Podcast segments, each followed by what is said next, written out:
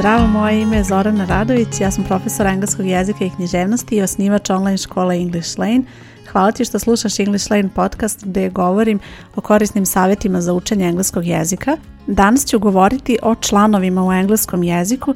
To je jedna vrlo složena tema, a uvijek ima mnogo pitanja, bez obzira koji je kurs u pitanju, bukvalno od početnog do onih naprednijih nivoa, uvijek postoje pitanja E, da li sam ovdje dobro upotrebila član, da li ovdje treba, zašto ovdje treba, zašto ne treba. I u ovom podcastu ću ti pomoći tako što ću podeliti pet korisnih savjeta za članove koji će ti pomoći da prepoznaš situacije kada treba, odnosno ne treba da upotrebiš član bez obzira na kom si sada trenutno nivou, čak i ako si početnik, ovi savjeti će ti biti vrlo korisni. Pre nego što počnem sa pravilima, želim samo ukratko da te podsjetim šta su to članovi.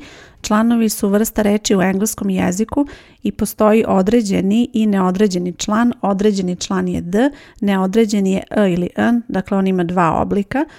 I sigurno si viđala te reči ispred e, reči nekih određenih ili recimo u rečenici I can see a book, uh, there's a book, I can see the book, sad je nekad, e, nekad postoje naravno pravilo zašto je to tako, ali to su te reči na koje ćemo se sada fokusirati, a glavni razlog zašto su te reči, to jest planovi, vrlo teški, je zato što ne postoje u našem jeziku i samim tim e, nemamo osjećaj kada treba da ih upotrebimo, a kada ne. Prvo pravilo glasi član stoji ispred imenice. Ovo pravilo je veoma bitno zato što ćeš u početku imati dilemu kada ispred kojih reči treba da upotrebiš član i vrlo je bitno da reči ispred kojih upotrebljavaš član budu imenice. Ispred bilo koje druge reči nećeš upotrebiti član, član je vezan isključivo za imenicu. Imenice su pojmovi koje imenuju, dakle recimo book, pencil, table, door, window, to su sve imenice i kada koristiš te reči u rečenicama, ispred tih reči mora da stoji član. Sad postoji dalje neke neka dodatna objašnjenja, izuzeci, ne stoji baš ispred svake vrste imenica člana, ali to su već neke e, dalje i detaljnije prosto e, tumačenja koja, na koje se sada nećemo fokusirati. Znači bitno je da zapamtiš da ako vidiš rečenicu i ako imaš dilemu da li da upotrebiš član ili ne, proveri da li je reč ispred koje želiš da upotrebiš član imenica. Jedno je sigurno, ako ta reč ispred koje želiš da upotrebiš član nije imenica, onda nećeš upotrebiti član član. Idemo sad na drugo pravilo. Član e, odnosno n, se koristi ispred imenica u jednini. Ovo je vrlo bitno da zapamtiš, ovdje nema nikakvih izuzetaka, znači neodređeni član ćeš uvijek upotrebiti ispred imenice koja je u jednini, ako je imenica u množini ili ako su u pitanju nebrojive imenice, ispred takvih imenica se ne koristi neodređeni član, može se koristiti član d, tu sad već postoje eh, različite situacije kada će biti član, kada ne, ali vrlo je bitno da zapamtiš ovo pravilo jer na ovo pravilo možeš da se osloniš. Dakle, član e, odnosno n nećeš upotrebiti ako imenica nije u jednini. Znači, samo ako vidiš imenicu u jednini, koristiš e ili n ispred nje. Naravno, nekada će biti d, nemoj misliti da je uvek neodređeni član, ali prosto da znaš kad je imenica u jednini može imati neodređeni član, naravno može i određeni, a ako nije u jednini ne može imati neodređeni član. Dakle, možeš reći a book, možeš reći the book, zavisi postoje situacije kada ćeš reći jedno kada drugo, ali ne možeš reći a books. To nikada nećeš reći. Treće pravilo, za opisivanje slike upotrebi određeni član d. Ovo nije baš pravilo iz neke gramatike, nego je više savjet koji ja dajem mojim polaznicama kada imaju zadatak pisanja i kada treba da opišu sliku. Kada opisuješ pojmove koje vidiš, oni su tebi poznati, samim tim su određeni i iz tog razloga je potrebno da upotrebiš d.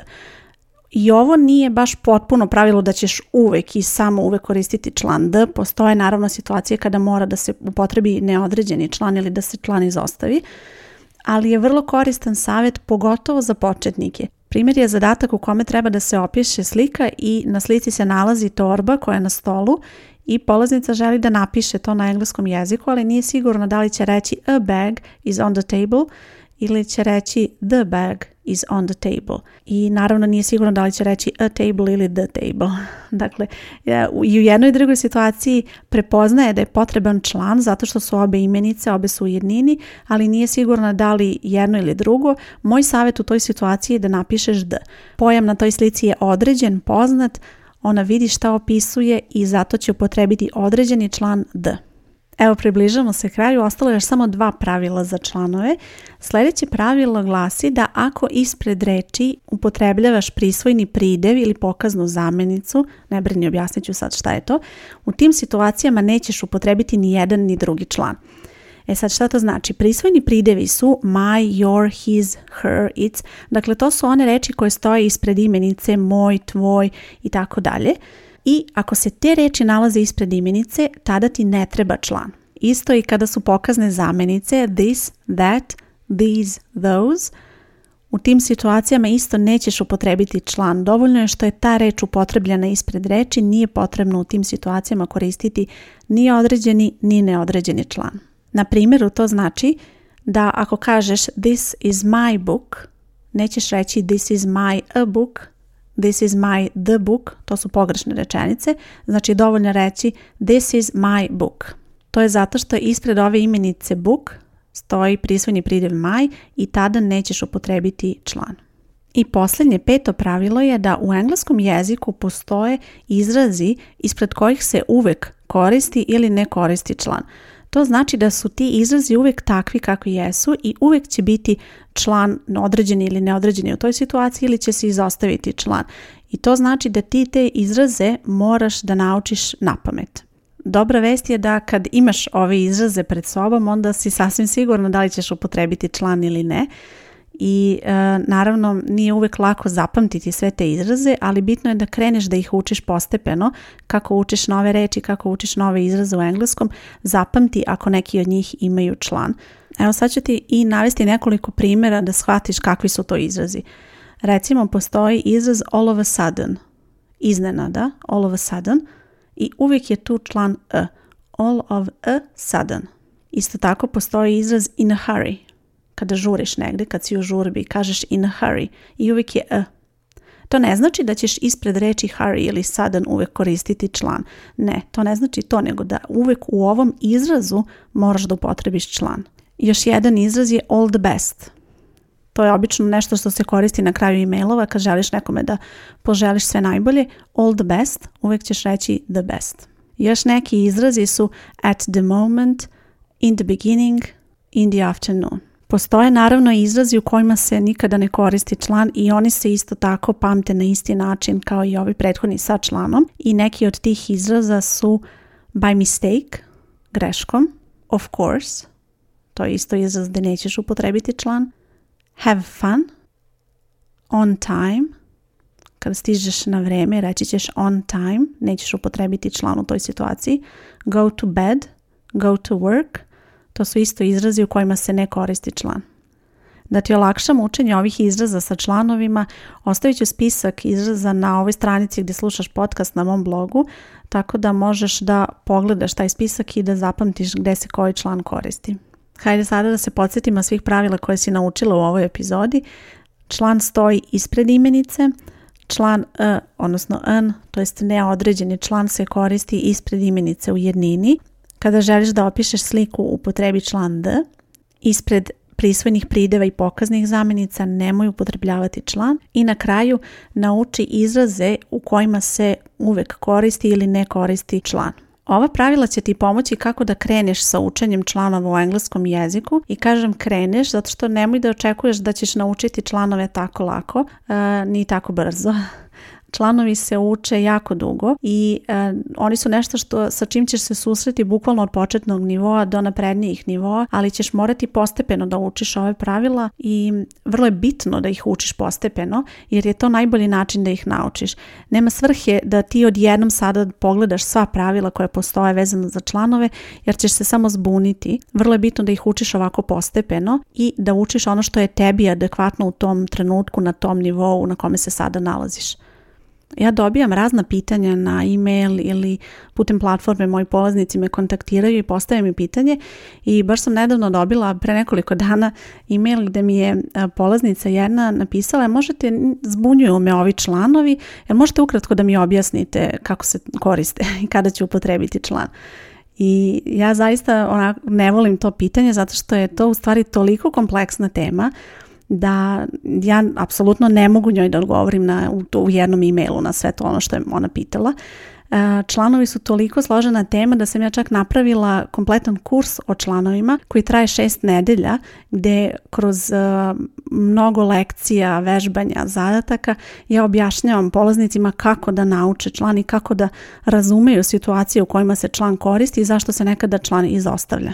Ovo je jedan obiman kurs i moraš da shvatiš da članovi u engleskom nisu lekcija koju ćeš naučiti, već jedna oblast koju, za koju je potrebno vreme da se nauči, kao recimo vremena u engleskom jeziku. Sigurno nećeš sesti i danas naučiti sva vremena u engleskom, već ćeš postepeno raditi i tako ćeš isto i sa članovima. Vrlo je bitno da učiš na takav način da bi postigla dobre rezultate i da bi naučila sa razumevanjem kako da upotrebiš članove. Tako to jeste teško, ali možeš naučiti članove.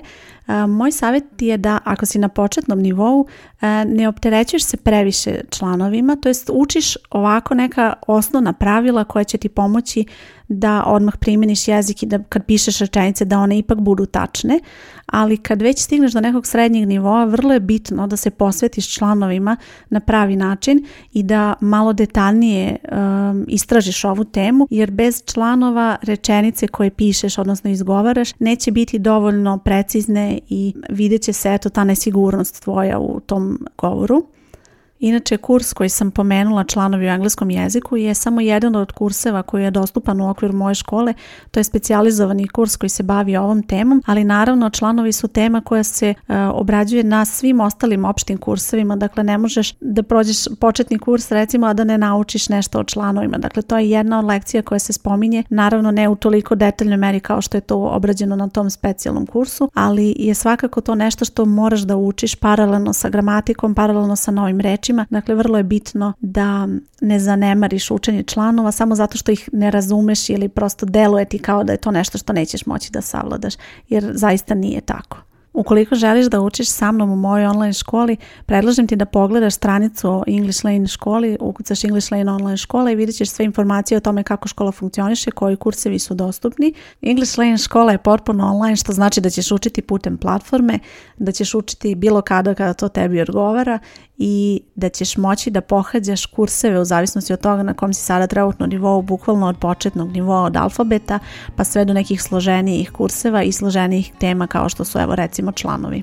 Hvala ti još jednom što slušaš moj podcast i u zavisnosti od aplikacije na kojoj ovo slušaš imaš mogućnost da se prijaviš za obaveštenje tako da dobiješ e, informaciju kada objavim sljedeću epizodu. Probaj da primjeniš ove savjete koje sam navela za korišćenje članova sljedeći put kada treba nešto da kažeš ili napišeš na engleskom i čujemo se u sljedećoj epizodi. Ćao!